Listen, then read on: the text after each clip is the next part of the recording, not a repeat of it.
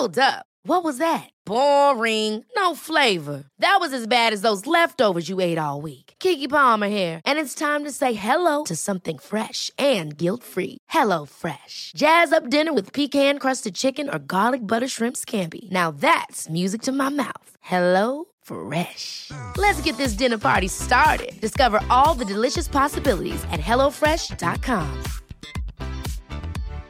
One size fits all seemed like a good idea for clothes Nice dress. Uh, it's a it's a t-shirt. until you tried it on. Same goes for your healthcare. That's why United Healthcare offers a variety of flexible, budget friendly coverage for medical, vision, dental, and more. So, whether you're between jobs, coming off a parent's plan, or even missed open enrollment, you can find the plan that fits you best. Find out more about United Healthcare coverage at uh1.com. That's uh1.com. Hey, it's Ryan Reynolds, and I'm here with Keith, co star of my upcoming film, If, only in theaters, May 17th. Do you want to tell people the big news? All right, I'll do it. Sign up now and you'll get unlimited for $15 a month in six months of Paramount Plus Essential Plan on us. Mintmobile.com slash switch. Upfront payment of $45 equivalent to $15 per month. Unlimited over 40 gigabytes per month. Face lower speeds. Videos at 480p. Active Mint customers by 531.24 get six months of Paramount Plus Essential Plan. Auto renews after six months. Offer ends May 31st, 2024. Separate Paramount Plus registration required. Terms and conditions apply if rated PG.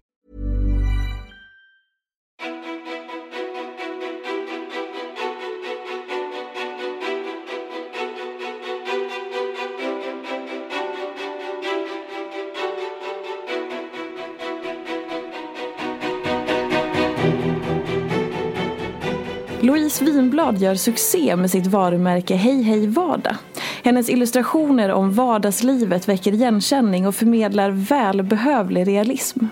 Hennes Instagramkonto har 175 000 följare. Hon bloggar på Motherhood, har podcasten Soffhäng med Hej Hej Vardag. Hon illustrerar böcker och kalendrar och gör roliga och träffsäkra humorklipp.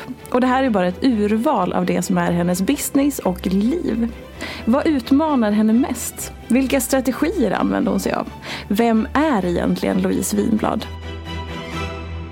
Varmt välkommen till podcasten Ofiltrerat med mig, Sofia Peterfia Ståhl. Hej Louise! Hej! Gud vad Välkommen. härligt att höra ett intro om sig själv. Jag tänker att du kan få skriva mitt CV sen. Ja, men det är kanske inte så ofta som man liksom får det paketerat sådär. Nej. Och i just där, vad var det som fick dig, om vi backar lite till, så här, hela konceptet och hela idén med just Hej Hej Vardag som har blivit, alltså det är ju verkligen en succé för att du, fin, du så det är ju väldigt brett och det, man ser ju Hej Hej Vardag på massa olika platser eller produkter eller ställen och sådär. Vad var det som fick dig att så här, där, där har jag det, det är det här jag ska göra. Alltså det smög sig ju på, tror jag. Ehm, jag känner mig som en trasig skiva för att man har dragit den här resan. Det känns som jag sagt det många gånger. Men det var... Jag var föräldraledig. Jag vill inte gå tillbaka till ett jobb som lärare. Jag är gymnasielärare. Ehm, för jag jobbar på estetiska program och estetiska program är aldrig prioriterade. De läggs ner. Det kanske har med mig att göra men de lades ner på löpande band. Ehm, nej, men det är ganska tråkigt att jobba med någonting som är så motarbetat hela tiden. Så jag känner mig lite trött på det. Ehm, och så tänkte jag vad vill jag göra om jag bara får tänka helt fritt. Så bara, men jag vill rita. För att jag har liksom alltid tecknat. Jag har en illustrationsutbildning som väl visserligen var lite väl teknisk för mig. Men ja, det har ändå alltid varit min grej. Och så var jag, men okej. Men om jag skulle börja söka sådana jobb, då behöver jag ju en portfolio. Jag har ingen portfolio, jag har inte tecknat ordentligt på flera år. Jag måste bygga upp en portfolio. Och så bara, ja men då tecknar jag. Nu ska jag teckna varje dag, eller liksom varje vecka under en lång period. Så jag bygger upp någonting. Så man får igång lusten och liksom tekniken och tränar. Och liksom, det är ju, man måste ju hålla igång liksom. Och då tänkte jag, ja, men då tecknar jag serier. För det hade min mamma sagt att jag borde göra. Man lyssnar på sin mamma. Absolut. Ja. så då gjorde jag, då tänkte jag att jag har ju världens roligaste vardag liksom. Att, att teckna. Så då bara, men då gör jag det. Och så, bygg, så gör jag det till en blogg och så låtsas jag att den här karaktären skriver bloggen. Så det var mycket mer tänkt som en att det skulle vara en blogg som låtsades vara en riktig blogg fast det var seriebilder istället för foton. Just det. Eh, och så blev det ju inte riktigt. Utan eh, det blev ju mer och så startade jag Instagram för att driva in folk till bloggen. Men sen var det Instagram som blev det stora. Liksom. Mm. Så, så var det väl att det började. Och om man, om man så här, tänk, utgår ändå från att du visar ju väldigt mycket igenkänning och verklighet och vad och sånt som många kan relatera till. Vad är det man inte får se? Um, jag tror känsliga grejer. Alltså, jag tänker att, uh, att ha ett barn som klär av sig samtidigt som man tar på det andra barnet. Och liksom, eller som matvägrar, alltså kastar iväg maten. Eller alltså sådana här klassiska trotsgrejer. Sånt som känns som att men det här händer ju alla. Eller att man är så här, varför är du så sur då till partnern? Och så mm. säger man det ända tills han skriker att han inte är sur. Och så bara, det är du visst, jag märker ju det nu. Du skrek åt mig. Alltså sådana saker känns så här, det känns inte personligt. Alltså, eller inte privat. Eh, utan det känns som att så här, så här är det väl för de flesta. Mm. Eh, men sen finns det ju saker som Nej, men om det är någonting som, nu när barnen är lite äldre, mina äldsta barn är åtta och nio eh, och det kan ju finnas känsliga lägen där. Eh, sånt skulle jag, sånt kan jag liksom inte prata om för att det är, för det första är det deras grejer, men sen, sen har mina gränser flyttats också jag vet att jag tyckte saker kunde vara, jag skrev inte, jag, jag kollade av med Mattias om jag skulle skriva något om relationen och nu är jag mer så äh, skitsamma. Nu skriver jag av mig för jag är sur så får han väl läsa på bloggen då. Liksom. Så de gränserna har liksom flyttats åt, inte att de har liksom blivit, vad ska man säga, mer eh, att, att, att du filtrerar det hårdare utan du mer har öppnat upp lite? Mm, alltså att det är åt olika, det hållet. med barnen filtrerar jag mm. mer. Mm. Alltså, då, eller vad man säger. Alltså skyddar där, mer? Ja, jag skyddar ja. mer. Där, jag känner att då, nu kommer de snart kunna hitta min blogg själva och jag vill inte sitta och skriva om dem på ett sätt Uh, alltså med Nour är det strunt som hon är två år, hon kan inte hållas ansvarig för något hon gör. Mm. uh, så där tycker jag bara, hon är ju hon är som alla andra tvååringar liksom, mer eller mindre. Uh, men med de som är åtta och nio, de är ju sina egna små personer och har sina egna tankar och problem och, och, allt vad det kan vara. Så där vill jag ju vara mycket mer försiktig. Och när de är med, för de är ju med ibland när vi gör, de, när vi gör filmer och sånt. Och då är ju de i karaktär. Mm. Så det, det är så här, eh, det är möjligt att de kommer, jag vet att jag pratade med någon som jobbar på SVT som sa att det är skitsvårt i den här 8-9 års åldern för då kan man spela in någonting och så ett halvår senare så är de bara nej, får inte visa det. Mm. Jag försöker prata lite med barnen om det att så här, tänk på hur ni känner när ni ser filmer som är ett år gamla. Att ni tycker att ni är så små och fjantiga. Så, här. så kommer ni ju kunna känna när ni ser det här. Mm. Känns det liksom, de kan ju fortfarande inte förstå vidden av det. Mm. Men än så länge känns det som de tycker att när de går in i karaktär. Jag kan tycka att det också är så här. Herregud, jag ber dem titta på en mobil och säga men sluta mamma du är så töntig. Mm. Alltså, det känns inte som det är så personligt. Ehm, men det, vi får väl se hur det utvecklar sig. Om man, om man ser alltihopa som du lägger upp, hur mycket är du i det och hur mycket tar du in från omvärlden? Ja, men det där har också ändrats. I början var jag ju väldigt mycket hämtade bara från mitt eget.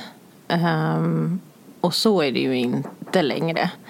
Nu passerar ganska mycket. Jag har insett det. Jag tänkte när jag blev gravid så tänkte jag gud vad bra. Nu kan jag ju skriva ner allting som händer. Och liksom, men jag, det, det, för det, eftersom det är inte nytt längre så jag reagerar inte på det på samma sätt. Jag tänker med, med No nu då som är två så är jag så här. Ja, men, hon börjar få, hamna så här lite trotsig period. Liksom, hon kan lägga sig raklång ner på marken bara när hon inte får som hon vill och så får man stå där liksom, och vänta. Och det hade jag nog snappat upp mycket, mycket mer med första eller andra barnet. För då var det så här, vad händer? Mm. Och nu är jag mer så här, nej men okej, men då kollar jag mina sms så länge så kan du ligga där och skrika en stund och sen så går vi. Alltså, mm. eh, och då glömmer jag ju bort att det här är ju jätteroligt material egentligen. Så jag har blivit lite sämre på att eh, plocka upp saker i min egen vardag för det har blivit jag är mycket lugnare i den. Liksom. Jag behöver inte bearbeta de där sakerna lika mycket.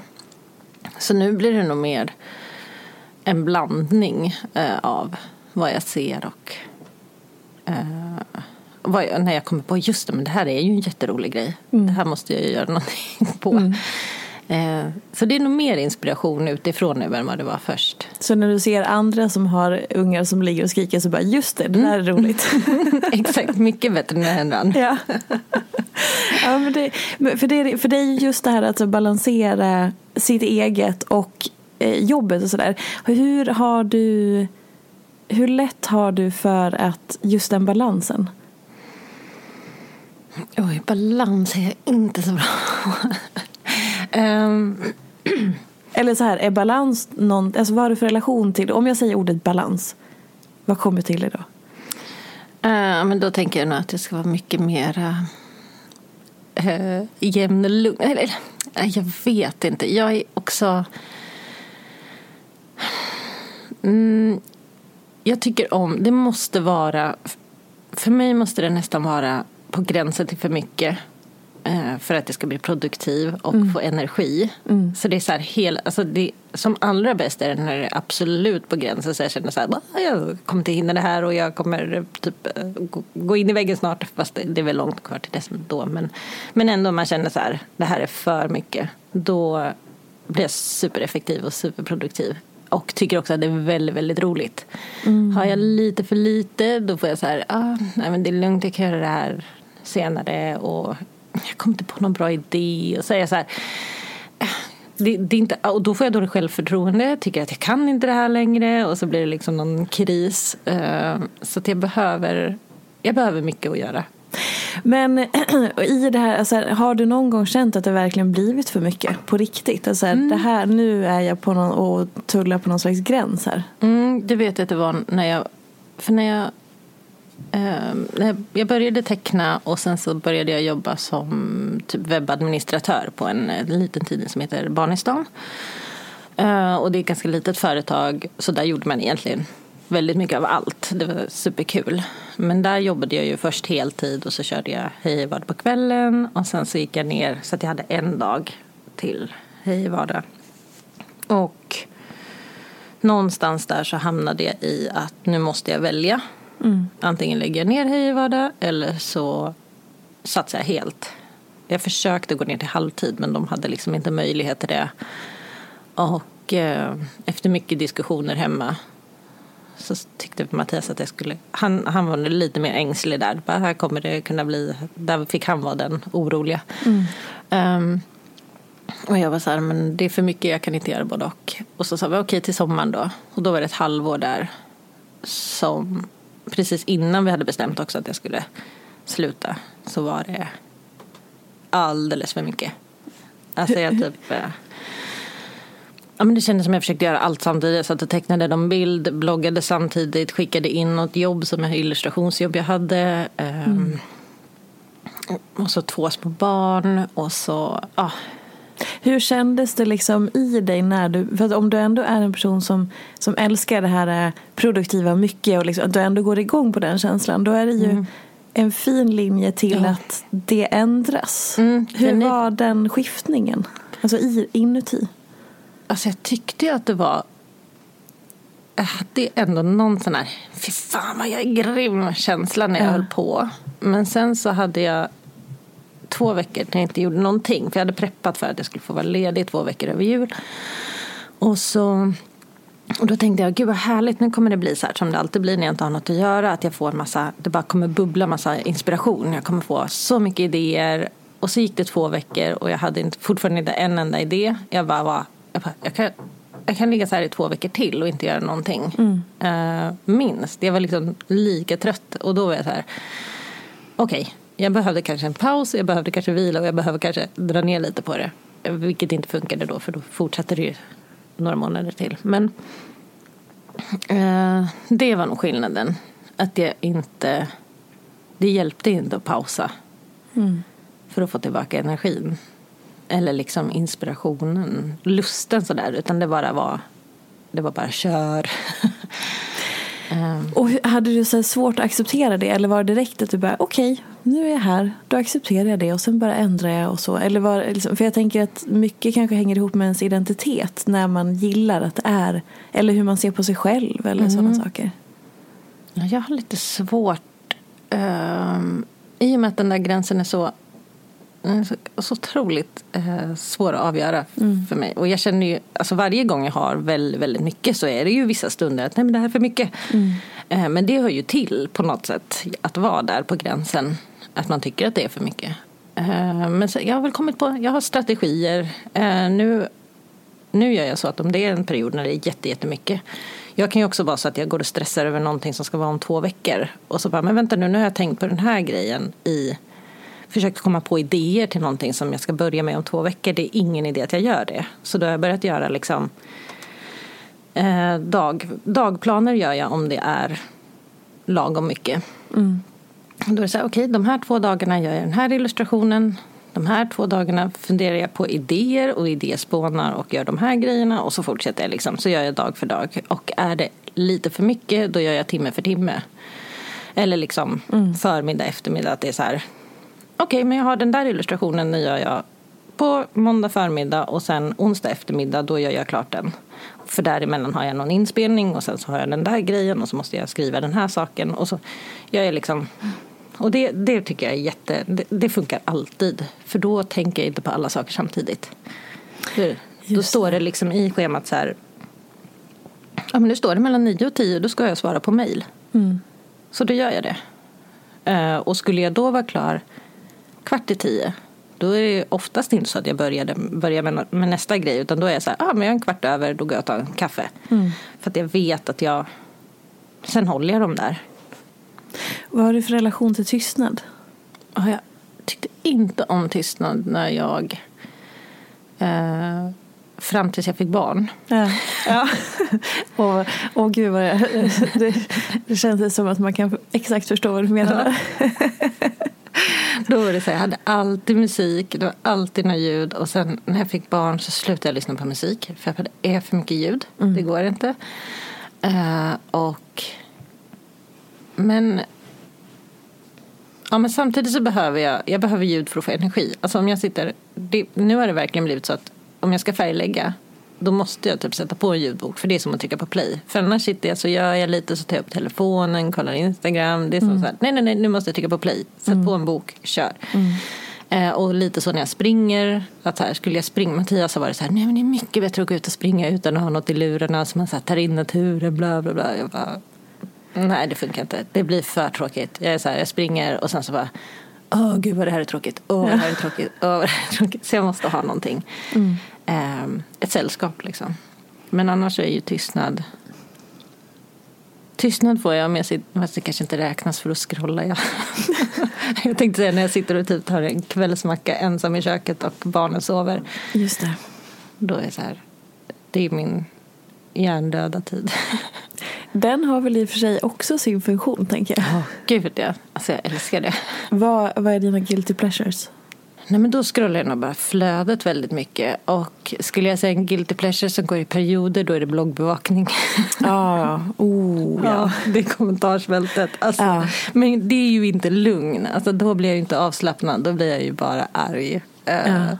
så, eh, så den undviker jag när jag inte är när jag inte har energin att lägga på och bli arg på saker. Hur mår du idag? Eller nu, i den här tiden i livet? Eh, men jag mår... Jag mår bra. Eh, jag- har så ständig koppling till jobb jämt när jag tänker på hur jag mår. Och eh, just nu rullar det på. Eftersom, jag har eget så har jag lätt att bli stressad och tänker nu tar det slut. Nu får jag inga mer jobb. Nu är det kört. Hur ofta tänker du det? Kanske någon, varje PMS. Ja, jag såg faktiskt ett klipp du gjorde om det. Eh, just det här med så här, nu, gud vad duktig jag är, gud vad duktig jag är. Så bara, helvete jag är så dålig, jag är så dålig. Så bara, jaha det var mensen. Vem är du utan ditt jobb? Och det är så, alltså när jag fick barn så började jag ju med Hej vardag.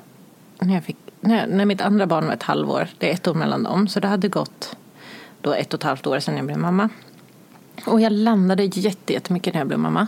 Eh, Det var så skönt att få bort jag-fokuset i livet. Jag har varit ganska så här mycket, ah, stirrat så mycket inåt och på mig själv och kanske grubblat mycket och så här, ah, växlat med att vara ganska mycket party och ganska mycket vänner och liksom alltså köra, köra på. Så jag vet inte riktigt. Jag har väl varit väldigt mycket av allting. Ehm, så när det, först fick jag barn och landade jätte, det var jätteskönt att få den där tryggheten på något sätt. Eh, och flytta fokus från mig själv till mina barn. Och sen så i samma veva så startade jag Hej Hej Vardag och landade ju jättemycket i det. Eh, så jag kopplar ju väldigt mycket till mitt jobb. Eh, och min mammaroll. Så vem jag är utan mitt jobb. ehm, Och utan din mammaroll? Utan båda dem? Bara Louise? Gud. Um, ja, men vem är man? Jag är väl liksom väldigt mycket upp och ner, tror jag. Och um, känslostyrd. Självmedveten. Alltså, jag tänker att med mitt yrke så blir jag ju extremt bekräftad hela tiden. Så jag antar att jag har ett ganska stort bekräftelsebehov. Som jag tycker funkar när man har den här typen av jobb. Då blir det inte... det- kan vara jättejobbigt också för man, mäter, man kan mäta alldeles för mycket. Men, eh, men På vilket väl, sätt blir det jobbigt? eh, att så fort man inte ligger på samma nivå eller högre så blir det som att det har gått dåligt. Men så att allting handlar egentligen om att du ska prestera? För Ja, det är mycket, mycket det. Mm. Så prestation är kopplat som ditt i ditt Ja. värde liksom? Ja, oh ja. ja. Jätte, jättemycket. Eh, kan man inte vara så? ja. men jag, så, så har det faktiskt varit med löpningen. Jag började Ja. springa eh, för ganska många år sedan och eh, signade upp mig på lopp för att jag skulle liksom komma, ha någon, så här, något mål med det. Och det var jättekul tills jag började springa igen efter NO och hade signat upp mig på ett lopp och bara kände stress. Jag bara, vad händer nu? Det är ju min grej. Jag ska ju signa upp mig på lopp och så ska jag ju springa eh, med det målet. Men då, det var inte kul. Jag kände bara, jag kommer inte prestera, jag kommer inte vara bra på det här loppet. Det kommer bara vara jobbigt, det kändes inte kul. Helt plötsligt bara var det en helt annan, vilket är så nyttigt att inse att okej, jag funkar inte likadant livet ut. Utan då var det så här, och så blev ju det inställt, tack och lov. jag var så tacksam. Ehm, och eh, då var jag så här, då hade jag bestämt mig redan innan att när det här blir inställt då ska jag springa utan att mäta, eh, utan att kolla tid. Och det har jag alltid sagt att men då är det ingen, alltså det kommer inte funka, det kommer aldrig funka för mig. Men eh, nu har jag en och samma runda som jag springer eh, i princip och tar aldrig tid, kollar aldrig och det är mycket, mycket, mycket bättre just nu. Men det var ju det som fick mig att springa förut. Så att det är verkligen, man måste checka av eh, ofta. Så. Jag, jag var liksom inte riktigt beredd på att jag skulle förändras. Nej. Vad konstigt. Ja, jättekonstigt, herregud. Men, och då, för då är du väldigt medveten om att prestationen då finns med dig så mycket. Mm. Och, och hur, så här, vad har du, vad ska jag säga, när man har den medveten, medvetenheten, känner du att det är någonting du vill förändra eller att det är bara så det är eller så här, ja, så här är det och det är fine, det går bra. Eller så här, nej men jag önskar att det skulle vara annorlunda eller Nej, alltså det enda jag försöker jobba med är väl att inte må så dåligt när det inte går så bra. Jag tycker att det är helt okej att vara prestationsinriktad. Det är liksom det som gör att jag eh, tycker det är kul med nya grejer, vågar gå in på områden där jag egentligen är rätt obekväm. Jag är ganska dålig på nya saker för att jag är lite så här, jag är egentligen iakttagare och vill känna mig trygg i saker och det gör man inte när det är någonting nytt. Eh, men det är det som får mig att göra de grejerna. Att det finns någon sån där prestationsgrej. Jag ju lite, jag har lite svårt att ge upp. Och jag brukar höra den här det är aldrig för sent att ge upp för att jag tycker att den egentligen är bra att påminna sig om. Men jag vet inte om jag någonsin praktiserar det. Och, och i det så här, du sa att du försöker att inte må så dåligt när det inte går så bra. Eh, hur påverkar det dig när du känner att det inte går så bra? Eller när, liksom, när du inte är där du vill vara. Kanske det det påverkar mig jättemycket. Alltså fysiskt. Jag känner i hela kroppen att jag känner mig dålig. Ja. Ehm, att jag... Nej men jag går runt i...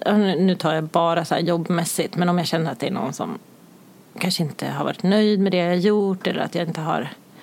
Att jag är ängslig att någon inte ska gilla det jag gjort. Eller om jag har gjort något inlägg där folk har blivit arga eller sura. Om det inte handlar om något som jag, alltså feminism eller något jag har retat upp män, då, liksom, då, då bryr jag mig inte.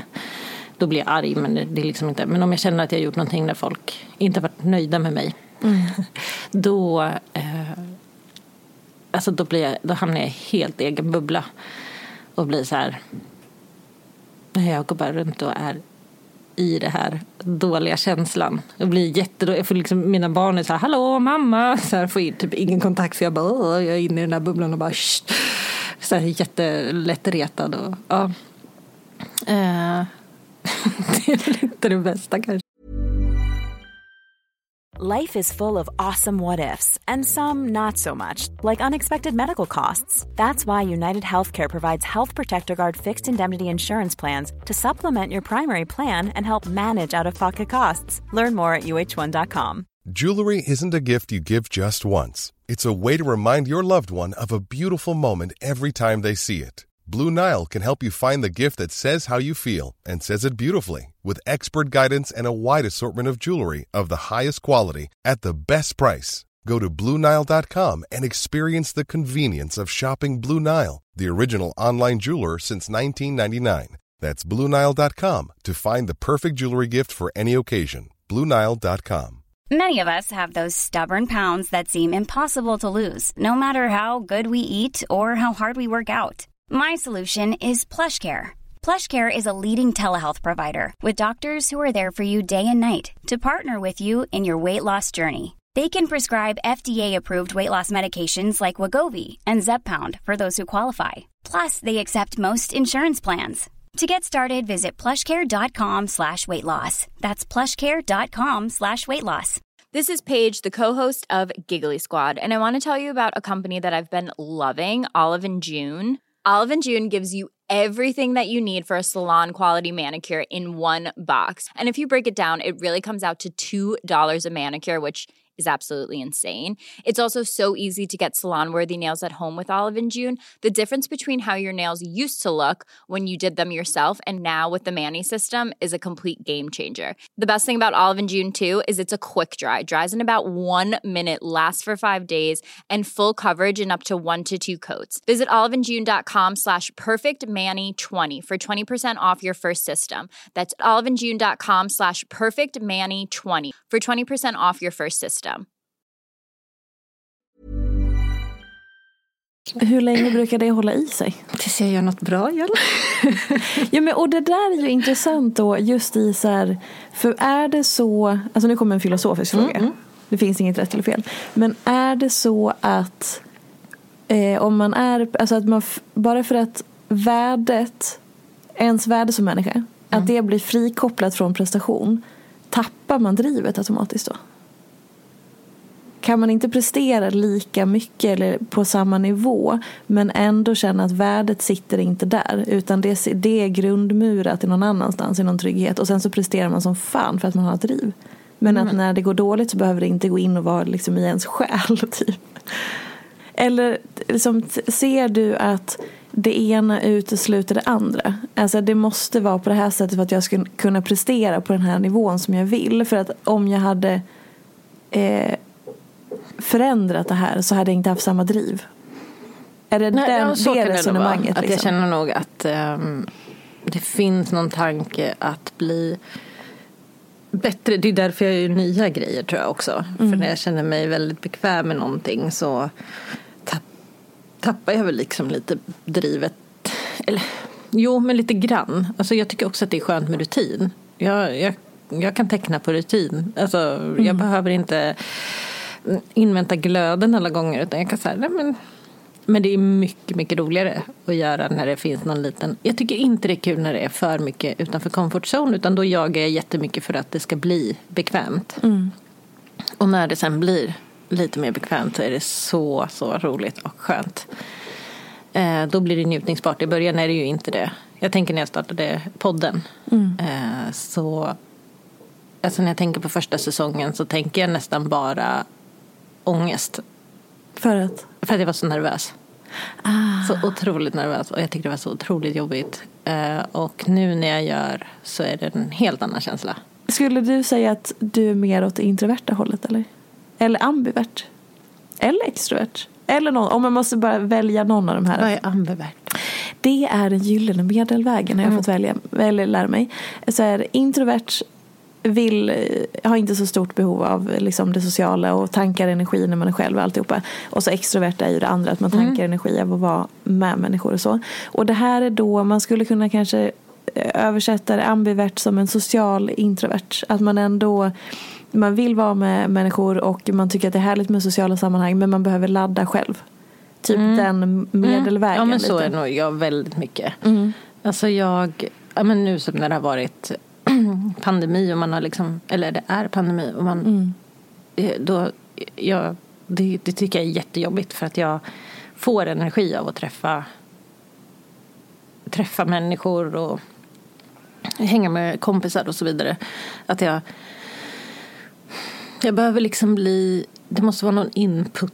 Och det får jag genom att träffa folk och prata och få nya tankar och nya samtal. Och, eh, eh, och samtidigt så kan jag ju vara ganska trött efteråt.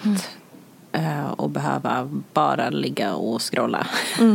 typ, eller. Är det just scrollandet som du återkommer till? Ah, jag tror det. Ja. Jag tror jag lägger mig ner och tar upp telefonen och så bara hjärndött scroll. Ja. Det är nog det som är det mest... För då tar jag ju typ inte in något. Eh, Ah. Tror jag. Jag tror att det verkligen bara är ganska passivt. Mm. Men det är också, den tar jag också, när jag är stressad, när jag är jätte, jättestressad så tar jag upp telefonen hela tiden och så scrollar jag. Mm. Som att jag letar efter svar på någonting har jag Ja. insett. Att jag så här, "Ah, skitmycket att göra nu.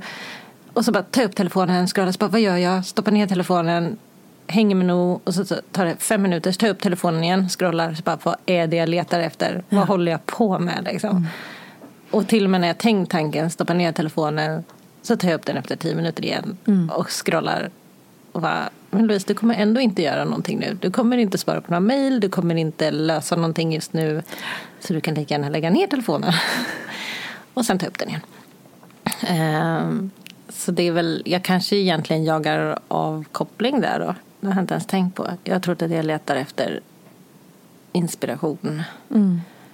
Men det kanske är mer att jag... Alltså jag tror ju på något sätt att jag ska bli... För telefonen har ju underlättat jättemycket när man ska vara effektiv. Jag kan skicka ett mejl när jag står i hissen på vägen upp hit. Så kanske jag hinner skicka iväg det där mejlet så slipper jag göra det sen. Och så, eh, eller när man sitter på bussen så kan jag göra de här, de här grejerna. Eller, alltså, det har ju varit ett jättemycket hjälpmedel för att bli supereffektiv och använda dödtiden så att säga. Min man kan stå och vänta på bussen eh, utan att göra någonting. Alltså, jag, skulle, jag kollar ju när bussarna går för att inte ens behöva stå och vänta på bussen. Och sen har jag redan planerat vad jag ska göra på bussen för att använda den tiden. Ehm, men det blir ju, det måste ju också vara en av anledningarna till att jag plockar upp telefonen hela tiden. För att jag tänker nu måste jag använda den här tiden när jag bara står här i en lekpark till exempel. Då, då, det här, den här tiden skulle jag kunna använda till någonting. Att jag liksom hela tiden har den. Och då, kan, så här, då vill jag bara lägga in så här, att använda den till din återhämtning. Ja exakt, det är alltså, det jag borde göra. att fylla på sig Mm. själv typ. Eller så här, nu behöver jag en paus. Eller nu så stänger jag av yttre och så börjar jag fylla på. Alltså att, Ja, den måste jag ju. Jag Ja. måste verkligen, verkligen träna upp den. För jag är, det, och det är ju baksidan av att hela tiden kunna vara effektiv tack vare en telefon. Så är det ju. Jag glömmer ju helt bort att jag ska jag blir så tokröstlös också när det är så här, när det inte är, alltså lekpark är typ min sämsta också. Ja. Så här, det är så tråkigt. Eh, då vill jag liksom, jag kanske kan ringa någon, så här, prata med någon samtidigt istället för att vara med mitt barn. Men jag är med mitt barn annars, men just lekpark är eller, så tråkigt. ja. Men, och hur, hur är det när du är själv?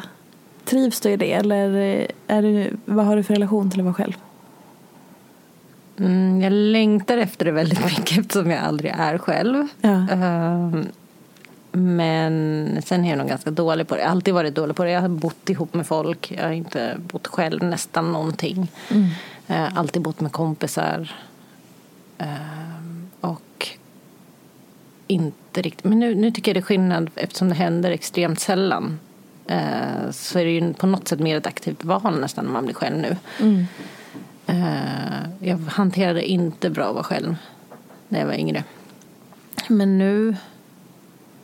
Mm, det, det blir fortfarande någon liten oskön känsla när jag är själv.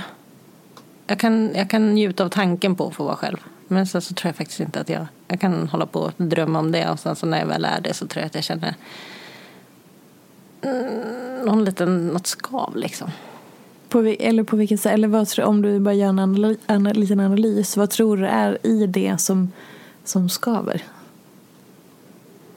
Mm, det är väl att tiden, eller luften är fri. Ja. tiden är fri plötsligt. Ja. Jag kan, om det inte är så superbegränsat, för då blir det så här stress. Nu måste jag passa på liksom, och göra någonting och så gör, gör man inget för att man borde ha gjort något.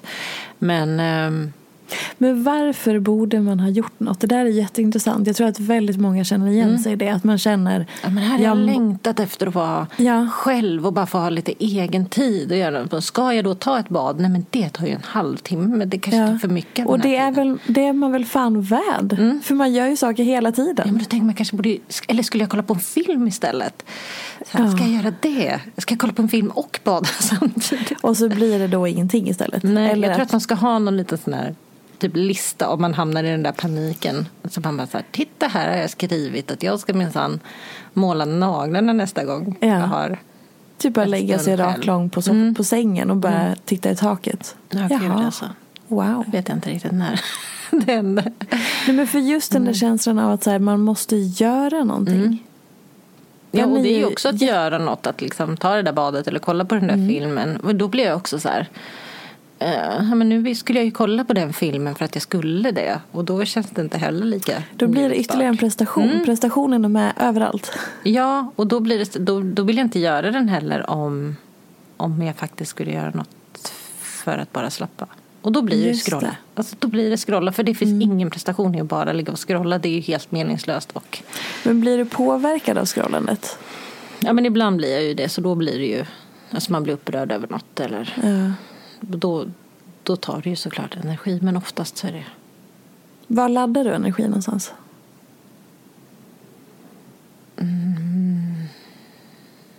När jag har så här roliga stunder med barnen tror jag. Alltså om vi pysslar till exempel. Eh, pyssla och att sitta och färglägga så som vi pratade om förut. Där tror jag tankar också. Men om jag och barnen sitter och pysslar och alla är liksom inne i sitt och det inte blir några konflikter. Då tänker jag rätt mycket. Vi sitter och spelar kort ibland på kvällarna. Då kan jag också eh, ladda rätt mycket. Det är ju när jag bestämmer mig för att nu ska jag inte tänka på jobb. Eh, då eller inte tänka på flera saker samtidigt. När jag bara fokuserar på en grej. Och det blir jag väldigt mycket med färgläggning, med pyssel som jag går in i. Eh, och kortspelande. Det blir liksom så här. Då är man inne i det. Då försöker jag inte göra någonting annat. Det går liksom inte att göra något annat samtidigt. Om jag kollar på en film. Då kan jag ju alltid kolla upp någonting på nätet samtidigt. Anmäla barnen till det där sommarlägret eller vad det nu kan vara. Jag kan alltid göra saker samtidigt. Eh, om jag, inte- men så I och för sig om jag och Mattias kollar tillsammans då får man inte ta upp telefonen. Just det. Så då tankar jag energi då med. Och hur tankar ni er parrelation? Just nu inte alls. Med många barn och familjeliv och företag och jobb och sommar, fjällstugor och nya projekt och liksom precis, okej, inte alls, berätta. Jag tror gemensamma projekt tankar vi nog rätt mycket i. Eh, när vi så här, ja, men jag bollar rätt mycket så här jobbgrejer med honom. Jag tycker absolut inte alltid att han har rätt.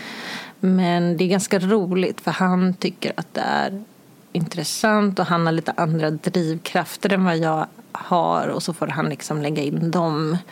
Vilka är det? Eh, ja, men han är till exempel så här, om du tar mer betalt så kan du jobba mindre. Mm. Och jag är så här, jag tycker jag tar bra betalt och jag tycker det är roligt att jobba. Så mitt mål är inte att jobba mindre. Och då, alltså, men det måste ju alltid vara ett mål att kunna jobba mindre. Mm. Och jag, jag tror att det är för att jag känner till det här med mig själv att jag måste ha den här mängden jobb. Just det. För att jag ska känna att det är kul och känna det där drivet. Eh, så att vi är nog inte riktigt... Men det är väl också den här prestationsgrejen. Gud vad nöjd jag var i höstas när jag hade så svin mycket jobb och satt uppe varje natt och jobbade och var som ett vrak. Och jag kände mig så jävla duktig. Och var med No hela dagarna. Ja. Jobbade hela kvällar och nätter. Och för jag var föräldraledig fortfarande. Eh, och kände mig så otroligt duktig. Och jag har bara pratat om det så mycket för att jag var så duktig. Ja, för att... oskön person. Nej, men, men alltså, för, kanske framförallt oskönt för dig. För att det är så sammankopplat då, kanske. Ja.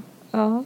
Jag vet inte. Det, alltså, Ja, men det är saker ju... är så här spårade. Jag fattar ju liksom att det här är ju inte, det här är inte bra. Och det är ju inte, det är inte hållbart. Men då visste jag ju också att det skulle, nog skulle börja på förskolan i slutet på november, början på december. Sen blev det inte kul längre när det blev vab. Och jag skulle köra samma grej igen. För då hade jag ju släppt. Jag bara, nu vill inte jag jobba kvällar längre. Just det. Eh, och då var inte, då kände jag inte alls den. Då var det inte alls samma tillfredsställelse. Men det är lite som att göra ett här, en spurt. Att man bara så, nu vet jag att nu är det så jädra körigt här i två månader, vilket var lite för lång spurt. Men, Ganska lång spurt. men, eh, men då, tycker, då är det ju kul. Alltså det, är man så här, det här kommer vara helt bananas, nu bara kör jag. Ja.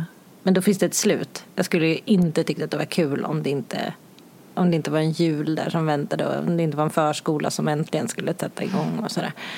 Ehm, men hur gör Mattias tankar Ja. energi?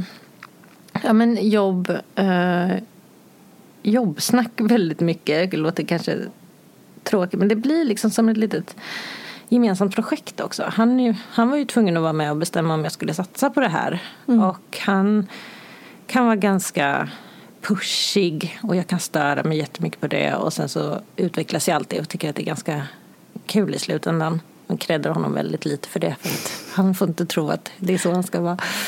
Ehm, Han har också blivit mycket bättre på att peppa. Alltså vi har pratat rätt mycket om hur man motiverar. Han tyckte så här, ja men sätt det här målet. Och då pratar vi ekonomiska mål. Sätt det här målet, det här ska du tjäna varje månad. Jag bara, men jag kommer, alltså, varje gång jag missar målet kommer jag känna mig så dålig så jag kommer bara lägga mig platt. Det funkar inte för mig. För mig är det mycket bättre att sätta mycket lägre mål och sen vara sjukt nöjd när jag har kommit över det och till och med jättemycket över det.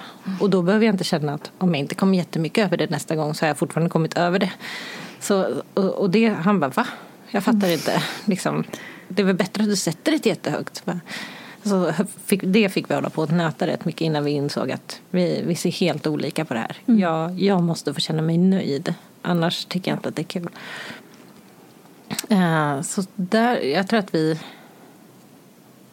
ganska mycket hämtar energi där. Och sen har gemensamma projekt i att man ska göra om någonting eller fixa något. Eh, jag vet inte riktigt. Vi kollar serier också.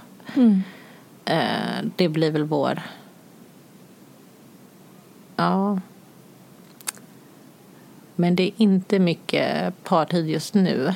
Vi är inne i en period när det är, vi kör ganska mycket vårt eget race. Jag jobbar ganska mycket på kvällarna och han sitter med sitt och sen så... Ja, nej. Och hur, hur liksom funkar, för då så här, det här klistret som håller en ihop, har ni några knep då för att så här, för, för det så ser ju livet ut många gånger, att man har sådana perioder. Så här, hur klistrar ni samman er igen? Har ni några knep eller så? Mm. Jag tycker bilresor är bra. Då har man, vi har liksom någon sån här regel att man inte får titta på telefonen. Eh, Då, har man, då pratar man ostört. Det gör vi nog aldrig annars tror jag. Eh, Eller väldigt sällan. Inte aldrig men. Ehm, Så bilresor är bra. Ja, men jag tror att vi också är så här. Vi, vi har väl landat i att det går i perioder. Just nu har vi en period när vi Och jag vet att det här inte är bra. Vi har varit igenom sådana här grejer förut. Jag vet att det inte är bra att vi inte hänger mycket men båda tankar mycket energi genom att vara själva.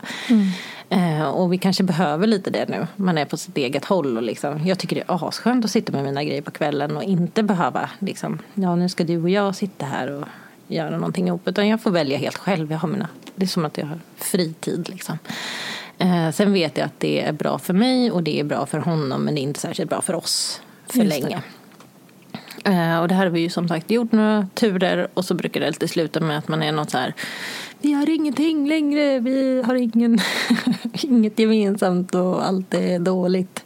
Och så ställs allt på sin spets och så bara men gud vi måste ju ta hand om varandra och det här och sen så jag hoppas verkligen att man hamnar där. Ja. Eh, ja, men så landar man väl i att oj då, vi kanske måste ta hand om oss lite. Eh, och så tänker vi om och så gör vi det. Vi går nog lite sådana cykler liksom. För problemet tänker jag när man fokuserar mycket, när man nu när vi har så här mycket tid för oss själva, då fokuserar man väldigt mycket på sig själv och så tycker man att man kanske stör sig lite på att den andra inte gör saker. För man ser inte varandra, så man ser inte riktigt det den andra gör. Eh, och då blir det ju då blir det mer så här irritation och skav och då är det ju jättemycket lättare att välja bort att hänga. Fast det är då man ska hänga. Ja, exakt. Den där magiska formen någonstans. Okej, ehm, för att avrunda så ska du få, få den här frågan som jag får ställa till alla mina gäster. Och det är fri tolkning, hur som helst. Vad är inte som det ser ut? Framgång. Oh, berätta mer. Eh, Men jag tänker på att man ser när folk lyckas med saker hela tiden. Och man ser väldigt sällan när folk inte lyckas med saker. För de grejerna kommer ju oftast inte ut. Så det tänker jag är en viktig grej eh, att faktiskt komma ihåg. Alltså man tror ju, jag tror ju att till exempel alla andra är väldigt stabila och bra föräldrar. För det är det som syns. Så jag tänker yrkesmässigt så ser man bara shit vad de här är duktiga och bra på allting. Allting tänker jag att de är bra på. Eh, för det är det man ser. Kan du bjuda på något som du har eh, jobbat på eller lagt ner tid, energi, kraft på just jobbet eller något projekt som inte blev av eller någonting sånt som inte nådde liksom, ut utan det pågick bakom kulisserna? Um, det nådde väl ut, men jag hade någon tanke att jag skulle ha videomaterial till eh, min podd första säsongen. Att det skulle vara lite så roliga klipp och jag skulle sitta och vi skulle göra så skojiga grejer och så skulle man klippa ihop det lite snabbt och så skulle det bli en lite rolig så här, nu släpps det här avsnittet med den här personen. Och eh, nej men det, det blev inte alls bra. Jag Nej. var ju, det var ju jättekonstigt att vara så här ny för en situation och som jag är i början innan jag landar ganska så här blyg eller vad man ska kalla det. Och sen sätta sig direkt framför en kamera med personer som jag kanske inte har träffat och som jag kanske ser upp till eller blir lite så här hämmad av. Och så ska jag på något sätt klämma fram något kul material. Eh, om gästen var väldigt kul och bra, då blev det ju bra. Men det hade ju ingenting med mig att göra då. Eh, så det var väl, det, det måste väl ändå då räknas som, det, det tänkte vi bort sen. Jag bara, vi måste ta bort det här momentet. Det blir inget bra. Eh, så det tycker jag väl. Sen kanske inte det nådde ut som någonting som blev dåligt för att jag la ju inte upp allt som kändes dåligt. Men eh, Ja, men det tog också lång tid innan jag insåg att det här var ju, det tog till andra säsongen när vi skulle ladda om och jag bara, nej men gud jag vill inte göra det här igen. Eh, Jag har också en gång signat upp för ett lärarjobb. Alltså skrev på kontrakt och allting. Ja. Och sen på vägen då hade jag varit där två gånger gjort introduktion. Jag skulle vara vikarie för en gravid kvinna. Och när jag åkte hem efter andra dagen och det var liksom klart. Så här, efter sommaren började jag. Så satt jag hela tunnelbaneresan hem och bara jag vill inte, jag vill inte, jag vill inte, jag vill inte. Och så ringde jag sen och bara, så jag sa det till Mattias, jag bara jag vill inte. Han bara, men gör inte det då. Och så ringde jag och bara, jag, jag vill inte göra det här jobbet. Jag vill inte ha det här jobbet. Det var ju asjobbigt. De hade ju kört rekryteringsprocess, valt ut mig, gjort intro, sagt till den här kvinnan som var gravid. Alltså, jag hade gått med henne. Alltså, jag, jag kände mig så taskig. Men vad skönt. Jag var så lättad. Ja. Jag var så lättad. Det var som att jag var så lycklig. Och det hade inte blivit bra om du hade tvingat dig att göra det. Nej, verkligen inte. Alla hade ju förlorat på det. Mm. Och det är väl det man behöver ta med sig. Just såna, för de där situationerna är jättesvåra. Mm. Men också att försöka tänka då att så här, om jag inte vill vara här så kommer ju alla förlora på det. Mm. De vill ju ha en person som vill vara här. Ja, men jag tror också när man har en sån här, jag måste få det att funka. Mm. Att man kan ha den i sig. Men jag tror att det jag kände då var, för då hade jag två små barn. Och kände att jag orkar inte ha det så obekvämt Mm. under för lång tid. Det hade, det hade väl gått. Man kanske hade klarat det med ångest varje dag liksom under den perioden. Men jag, det, var väl, det är väl det som är skillnaden när man har någon annan och liksom hålla energin uppe. För det tar ju jättemycket energi att gå runt och ha ångest för Mm. ett jobb. Ja. Eh, ja. Intressant. Mm. Och bra att du tog det samtalet. Jag tror att det var bra för alla. Gud, Om man känner så. Jäklar vad svårt det är att göra sådana här saker. Det blir ju liksom fysiskt svårt. Alltså jag, kan ju typ, jag känner ju i kroppen hur jag inte kan lyfta. Men och där är nu blir jag så här hobbyanalysen, men Mm. det är väl då återigen att eh, prestationen kommer in. Och att den påverkar dig som människa då. Mm. Att det blir liksom, det går in i dig på ett sånt sätt. Ja, men att jag tänker att folk ska ha en bild av mig Mm. som jag inte tycker stämmer. Den är skitjobbig. Att de då ska tycka att jag är en svikare och en dålig människa typ. Eh, och den tycker jag är jätte... För jag vill att de ska tycka att jag är duktig. Ja, såklart. Exakt.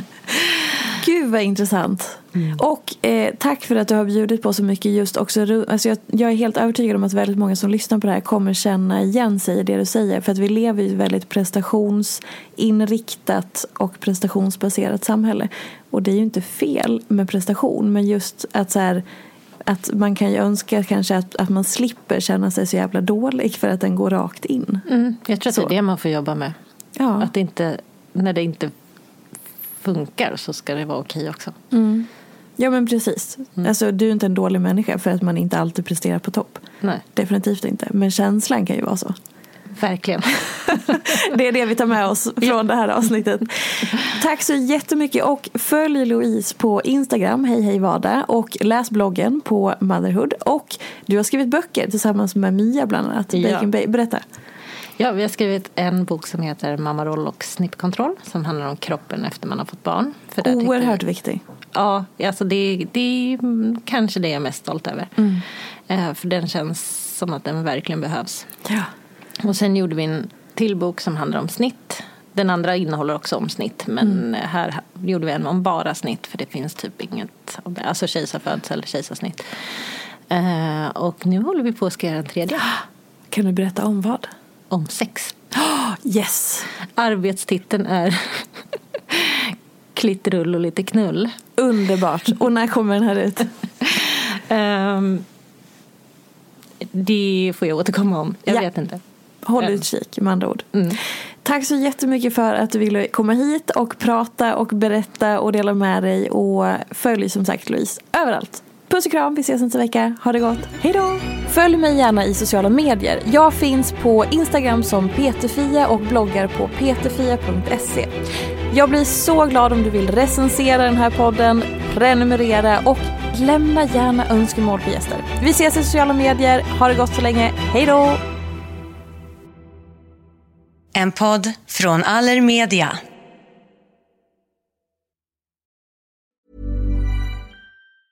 Even when we're on a budget, we still deserve nice things. Quince is a place to scoop up stunning high-end goods for 50 to 80% less than similar brands. They have buttery soft cashmere sweaters starting at $50, luxurious Italian leather bags, and so much more. Plus, Quince only works with factories that use safe, ethical, and responsible manufacturing. Get the high-end goods you'll love without the high price tag with Quince. Go to quince.com slash style for free shipping and 365-day returns. Hey, it's Paige DeSorbo from Giggly Squad. High quality fashion without the price tag. Say hello to Quince.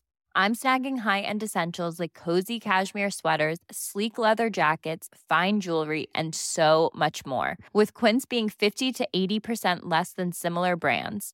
And they partner with factories that prioritize safe ethical and responsible manufacturing. I love that. Luxury quality within reach. Go to quince.com slash style to get free shipping and 365 day returns on your next order.